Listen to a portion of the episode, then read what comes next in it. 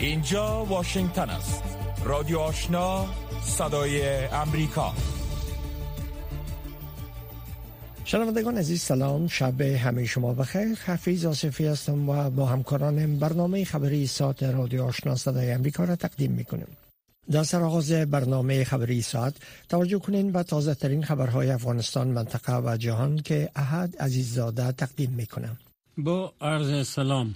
بر اساس گزارش ها مقام های استخباراتی ایالات متحده امریکا و طالبان در شهر دوحه پایتخت قطر با هم دیدار کردند. جزیات بیشتر این موضوع را از فوزیه احسان مشنوید. شبکه تلویزیونی CNN 8 اکتبر به نقل از دو منبع آگاه گزارش داد که این نخستین دیدار رودروی مقام های امریکایی و طالبان است که پس از کشتن ایمن الزواهری رهبر شبکه القاعده در اواخر ماه جون سال روان میلادی انجام شده است. این شبکه افزوده است که این دیدار میان دیوید کوهن معاون اداره استخبارات ایالات متحده یا CIA و عبدالحق وسیق رئیس استخبارات طالبان صورت گرفته است. در گزارش گفته شده است که این دیدار روز شنبه انجام شد و به نقل از این گزارش تامس وست نماینده ویژه ایالات متحده برای افغانستان نیز در آن حضور داشته است. ایالات متحده امریکا و حکومت طالبان تاکنون در مورد این دیدار چیزی نگفتند جو بایدن رئیس جمهور ایالات متحده به تاریخ اول ماه اگست سال 2022 میلادی اعلام کرد که ایمن الزواهری رهبر شبکه القاعده در اثر حمله تیاره بی سرنشین امریکا در منطقه شیرپور کابل کشته شد. مقام های امریکایی پس از وقوع این رویداد گفتند که طالبان با اسکان دادن به رهبر شبکه القاعده توافقنامه دوحه را نقض کردند. ادامه اخبار. مسئولان مرکز آموزشی کاج در غرب کابل که به تاریخ هشتم میزان هدف حمله انتحاری قرار گرفت می‌گویند که روند آموزش در این مرکز را دوباره آغاز می کنند. غلام رضا امید مدیر مرکز آموزشی کاج به روز یک شنبه گفت که تصمیم دارند فردا دو شنبه روند آموزش را در این مرکز اثر گیرند. مقام های پاکستانی از واردات صدها لاری پیاز و بادنجان رومی از افغانستان به آن کشور خبر می دهند. محمد صادق نماینده ویژه پاکستان برای افغانستان روز یک شنبه نهم اکتبر در تویترش نوشت که پاکستان روزانه 300 تا 400 لاری بادنجان رومی و پیاز تازه از افغانستان وارد می کند. با گفته نماینده ویژه پاکستان برای افغانستان در سالهای عادی آن کشور بیشتر سبزیجات خود را به افغانستان صادر می کرد اما امسال به دلیل جاری شدن سیلاب ها محصولات زراعتی پاکستان از بین رفته است جانخان نوید رئیس رابط عامه اتاق تجارت و سرمایه گذاری افغانستان به صدای امریکا گفت که روزانه هزار تا دوازده ست تن ترکاری از افغانستان به پاکستان صادر می شود. وی گفت که این صادرات از بنادر تجارتی تورخم، غلامخان و اسپین بولدک به پاکستان صورت می گیرد. در ادامه کمپاین جلوگیری از نسل کشی هزاره ها هزاران شهروند افغانستان روز شنبه 8 اکتبر در دهها کشور جهان در راهپیمایی اعتراضی زیر نام نسل کشی هزاره ها را متوقف کنید اشتراک کردند. با گفته فعالان حقوق هزاره های افغانستان این راهپیمایی ها در چهار قاره در بیش از 50 کشور و بیش از 100 شهر جهان راه اندازی شد. فعالان شورای جهانی هزارها که یک سازمان غیر انتفاعی برای حمایت از حقوق هزارها است گفته است که راهپیمایی روز شنبه از استرالیا آغاز و در کشورهای اروپایی از جمله آلمان، ایتالیا، فنلند و در قاره امریکا در 13 شهر ایالات متحده و حداقل چهار شهر کانادا ادامه یافت. شماری از افغانها در ترکیه نیز برای این دادخواهی راهپیمایی کردند. نسل کشی هزاره را متوقف کنید شعار مشترک این راهپیمایان در کشورها و شهرهای مختلف جهان بود. خبرهای جهان را از رادیو آشنا صدای امریکا میشنوید. رئیس جمهور ایالات متحده امریکا اخیرا دستورالعمل جدیدی را در مورد استفاده از تیاره های بی پیلوت صادر کرده است. بر اساس دستورالعمل جدید در مورد استفاده از تیاره های بی پیلوت مسلح در خارج از مناطق جنگی پس از این حملات نیروهای نظامی امریکا در افغانستان به تایید شخص رئیس جمهور نیاز دارد.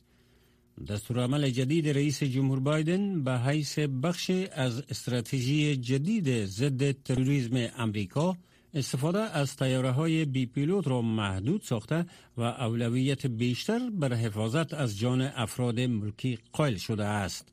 دستورالعمل جدید جو بایدن رئیس جمهور امریکا سیاست ایالات متحده را به موقف دور پایانی اداره باراک اوباما باز میگرداند. خبرگزاری اسوشیتد پرس از قول یک مقام ارشد اداره بایدن که از افشای نامش خودداری کرده می رویسد قبل از اینکه یک تروریست مزنون برای اقدامات مرگبار احتمالی از جمله حملات تیارات بی پیلوت و عملیات خاص به فهرست اهداف امریکا اضافه شود باید تأیید رئیس جمهور ایالات متحده گرفته شود. مقام های اوکراینی روز یک شنبه گفتند که گلوله‌باری روسیه به ساختمان ها و دیگر اهداف در شهر زاپوریژیا در اوکراین کم از کم 17 کشته و ده زخمی بر جای گذاشته است. انفجارها در این شهر که همچنان تحت کنترل اوکراین است در منطقه واقع شده که مسکو آن را متعلق به خود می داند.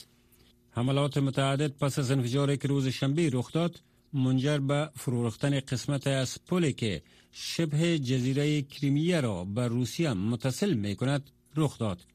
حمله به این پل که نماد قدرتمندی از قدرت روسیه در منطقه است مسیر مهم تدارکاتی برای تلاش های جنگی متزلزل کرملین را بر جنوب اوکراین خسارامند ساخت.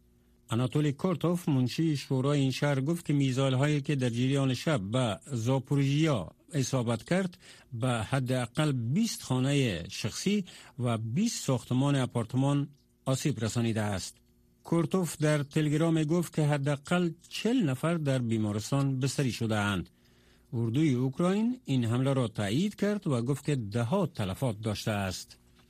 صدر فرانسه روز یکشنبه سفر خود را به الجزایر به همراه یک هیئت عالی رتبه آغاز می کند و برای برقراری روابط بهتر با این مستعمره سابق فرانسه و صادرکننده بزرگ گاز تلاش می کند.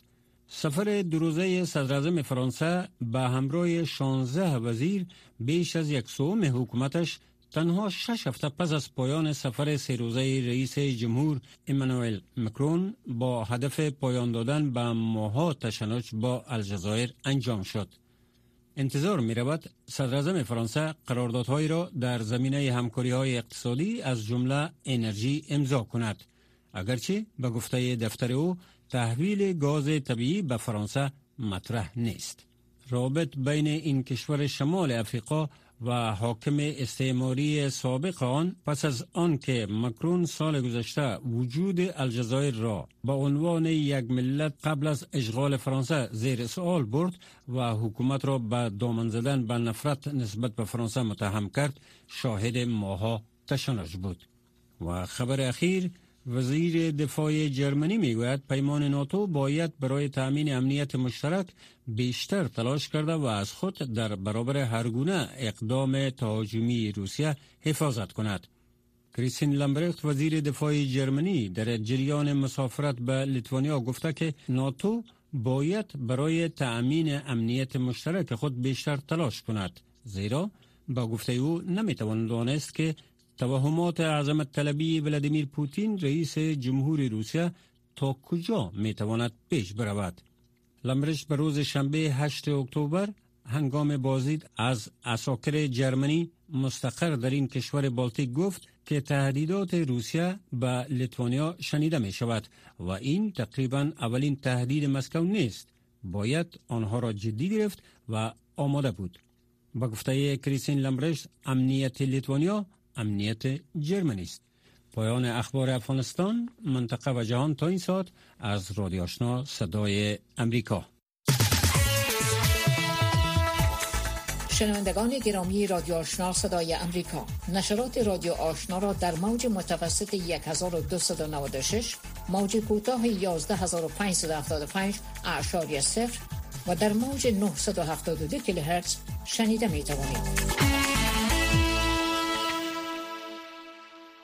خبرهای افغانستان منطقه و جهان از رادیو آشنا صدای امریکا شنیدین. حال هم گزارش های ای برنامه. طبق گزارش های استخباراتی که روز شنبه در صفحه تویتر وزارت دفاع بریتانیا پست شده شمار روزافزون از شخصیت های مختلف در داخل روسیه وزارت دفاعی کشور مورد انتقاد قرار دادند در این گزارش آمده که این انتقادات در حال افزایش یافته که روسیه در جریان دو هفته گذشته در میدان جنگ با اوکراین با شکست روبرو شده شر بیشتر گزارش صدایی امریکا را در این مورد از جیلا نوری مشنوین منتقدین عملکرده اردوی روسیه شامل رمضان قدیروف رهبر چچنیا یوچنی پرگوژین رئیس شرکت خصوصی نظامی واگنر شماری از اتاقان تلویزیون ها هنرمندان و افراد ملیتگرای بلاگ نویس نظامی می کردند. روسیه اخیرا عملات خود را بر مناطقی که ادعای ملکیت آن را می کند متمرکز ساخت که شامل شهر شرقی خارکیف می گردد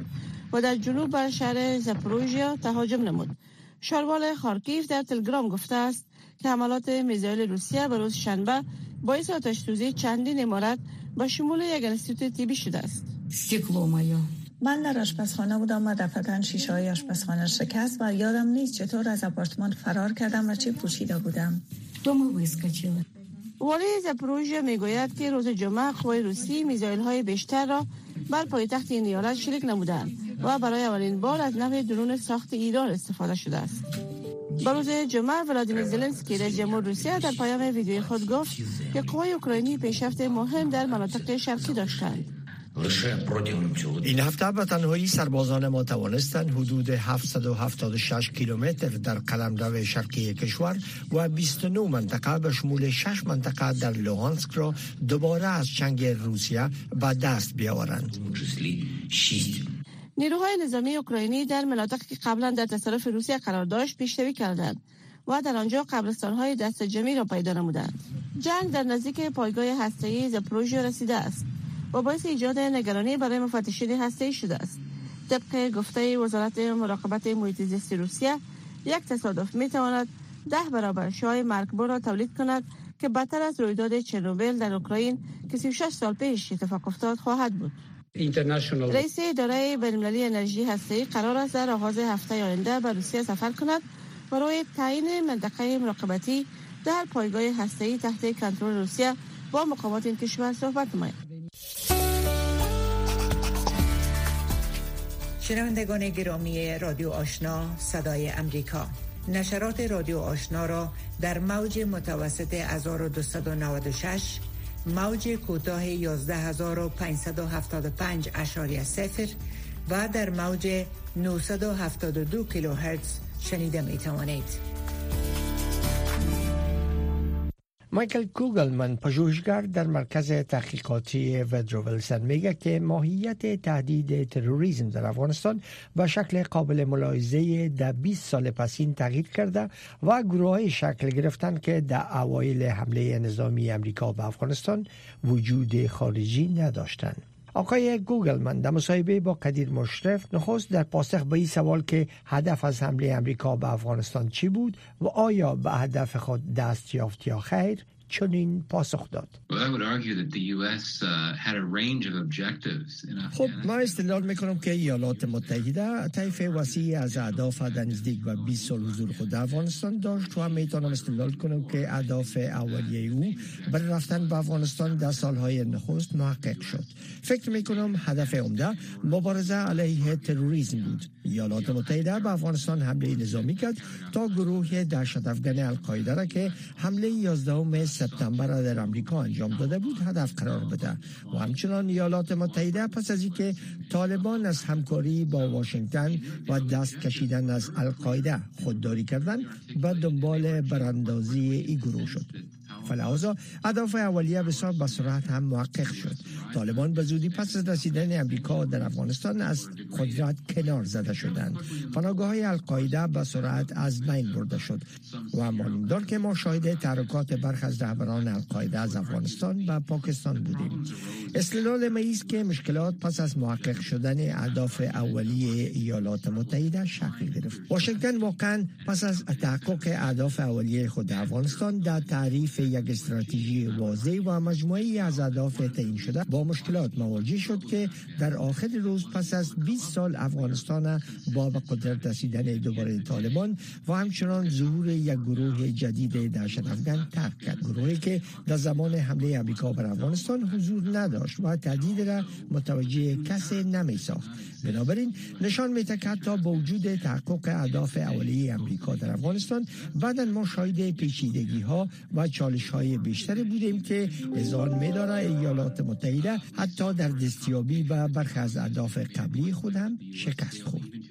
مثل که شما از گروه های دشت افغان هم یاد کردن هم یکنون کشورهای منطقه حتی کشورهایی که روابط نزدیک با طالبان داشتن اونا از افزایش و تحرکات گروه های مختلف دشت افغان در افغانستان ابراز نگرانی می‌کنن و ایو تهدید به کشورهای منطقه و جهان می‌دانن. فکر می‌کنن ایالات متحده با چه دستاورده از افغانستان بیرون شد؟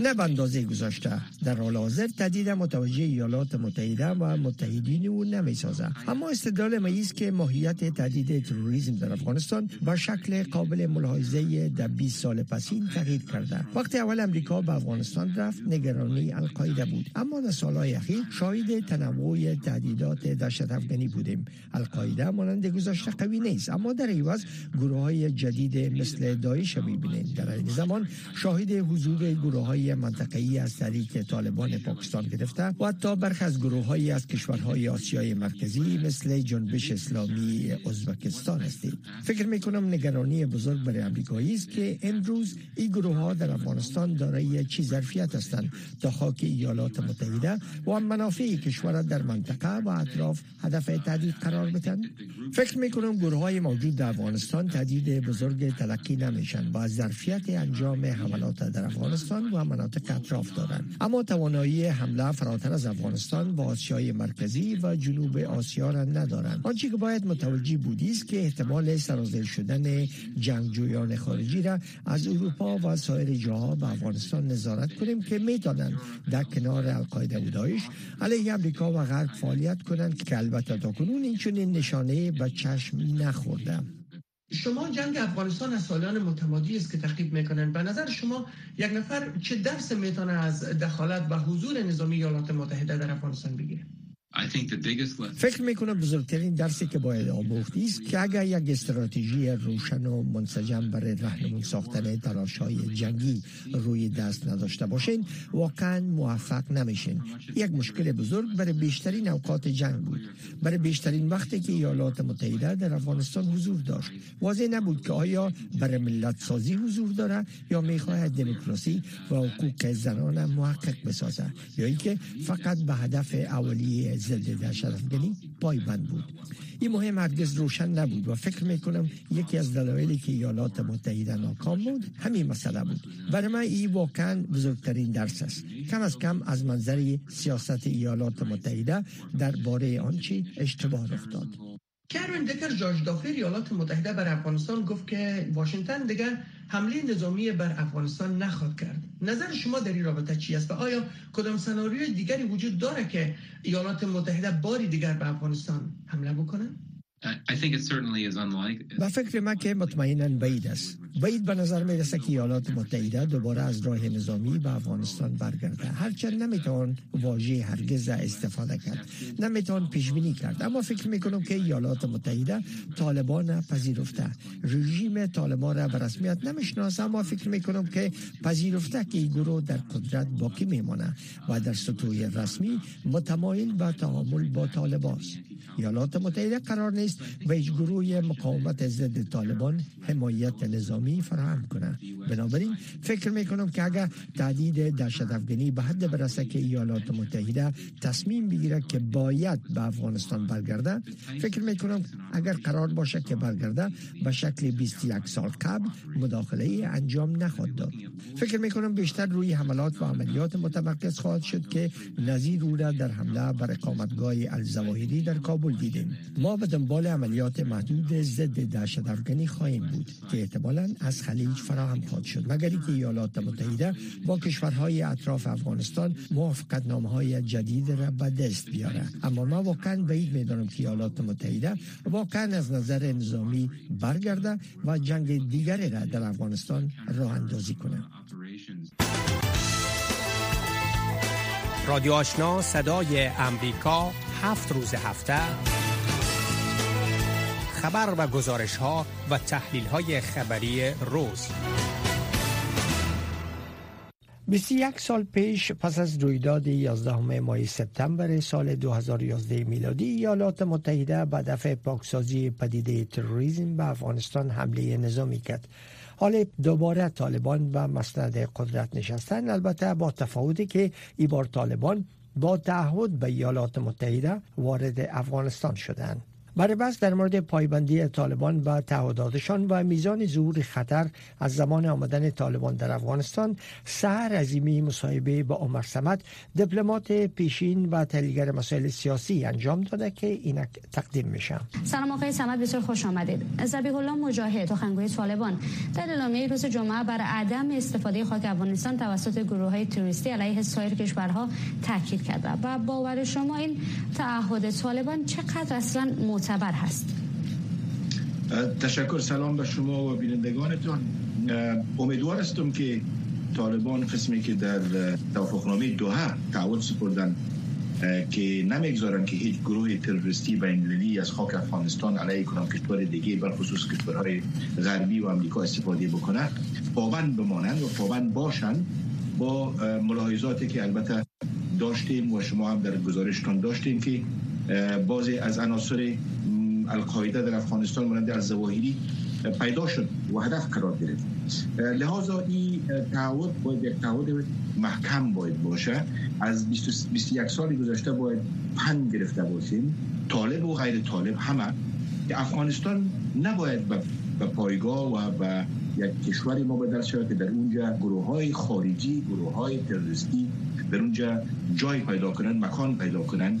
و از امکاناتی که در اونجا فراهم است استفاده بکنن که هم افغانستان در خطر با خطر مواجه می سازه هم دیگر کشورها با توجه به نگرانی های جامعه جهانی از فعالیت های گروه های دهشت افکن در افغانستان اگر قناعت خاطر غرب از تعهدات طالبان حاصل نشه و باور شما گام بعدی کشورهای دخیل در وضعیت 20 سال پسین افغانستان چه خواهد بود؟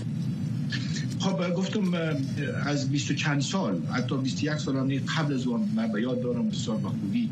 بسیار واضح بود که مثلا هر باری که بن لادن صحبت می‌کرد یا بیانیه نشر می‌داد در اونجا واضحا تهدید می‌کرد و می‌گفت که ما دشمن خود هدف قرار می‌دهیم. ولی نه دشمن یعنی امریکا و غربی ها صحیح حرفش تحلیل کردن و درک کردن. و نه ما افغان ها دقیقا فهمیدیم به شمول طالبا که به اون وقت قدرت در مرحله اول بودن اونا هم مثل که یا غفلت کردن یا جدی نگرفتن یا ای که می‌دانستن و از رو چشم پوشی کردن. حالا من فکر می‌کنم که بار چند سال که گذشته و 21 سالگرد تجلیل کردن به یاد میاریم که پند امی است که غرب و یا امریکا و یا هر کشور دیگه. حتی کشورهای مانند چین و روسیه و کشورهای منطقه ما اینا هر کدام از خود باز تقاضاهایی دارند ارتباط با مبارزه با تروریسم و افغان ها باید در قدم اول به همه از این حرف ها گوش بدهند. در جایی که واقعا یک مشکلی وجود داره باید همین حاکمیت فعلی و یا مثل حاکمیت قبلی هم این وظیفه داشت باید کاری بکنه که به نفع افغانستان و به نفع مردم افغانستان تمام شد. نه اینکه به افغانستان با خطر و با با یک فاجعه جدید رو رو بسازن. اشاره داشتن به کشورهای منطقه اکنون دیده میشه که کشورهایی که حامی طالبان پنداشته می شدن مثل پاکستان شدیدن از حضور گروه های دهشت افکن در افغانستان ابراز نگرانی می‌کنن. این نگرانی ها با باور شما چقدر موجه است و اسلام آباد در این مقطع زمانی چی را می‌خوای ثابت بسازه؟ خب ما شما خوب می‌دانیم و جهانم میدانه که اسلام آباد منافع خود مد نظر گرفته بازی دوگانه و سیگانه در هم در گذشته و هم فعلا بازی کرده و برای پیشبرد منافع خود استفاده می‌کنند ما باید منافع افغانستان مد نظر بگیریم و البته افغان هایی که فکرشان و متوجه افغانستان و منافعش است و مردمش است. و من فکر می‌کنم در ارتباط با پاکستان و بازی کشورهای دیگه که اونا در بازی های دوگانی خود به ما ضرر رساندن در اینجا نگذاریم که پس دوباره اشتباهات گذشته تکرار شود.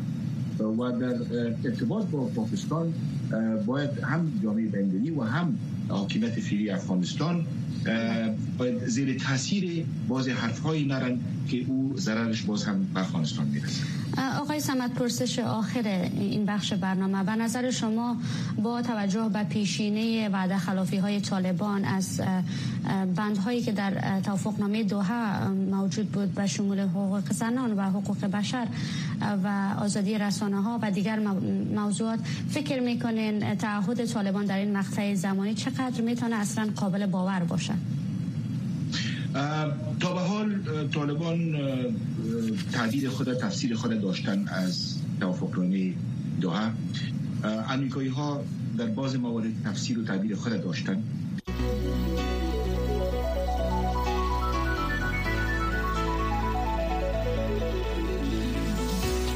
صدای امریکا در فیسبوک facebook.com slash voa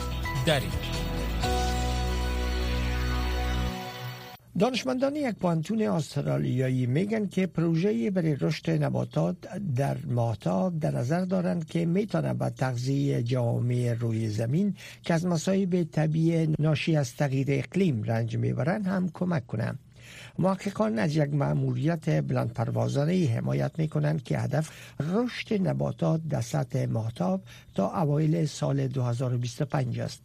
فیل مرسر گزارشگر صدای امریکا از سیدنی گزارش فرستاده که برگردان او را از عبدالواجد عادل میشنویم این پروژه توسط یک مؤسسه تازه کار فضایی استرالیایی به نام لوناریا وان سرپرستی می شود این اولین آزمایش از یک سلسله آزمایش های خواهد بود که بررسی می کند که آیا نباتات می توانند محیط زیست خشن ماتاب را تحمل کنند و در آن رشد کنند یا خیر. دانشمندان از چندین پانتون استرالیا همراه با همکارانشان در اسرائیل، آفریقای جنوبی و ایالات متحده گفتند که این گام اولیه به سوی رشد نباتات برای غذا، ادویه و تولید اکسیژن است که برای ایجاد سکونت انسان در ماه بسیار مهم است. همچنین ممکن است منافع نیز در زمین از آن وجود داشته باشد محققان امیدوارند که این ماموریت معتاب به کشف راه های جدید برای بهبود تولید غذا در اقلیم دشوار روی زمین یا پس از مصائب طبیعی زمانی که منابع غذایی اغلبا کمیاب است کمک کند. کتلین بیرن استاد در پانتون ملی استرالیا مشاور علمی لوناریا وان است. او به صدای امریکا گفت که تحقیقات در فضا می تواند به حل مشکلات روی زمین کمک کند.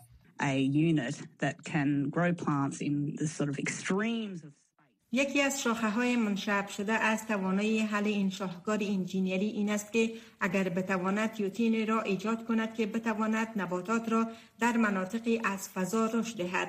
این امر همچنین به ما کمک می کند تا آنچی را که می توانیم اینجا روی زمین ایجاد کنیم.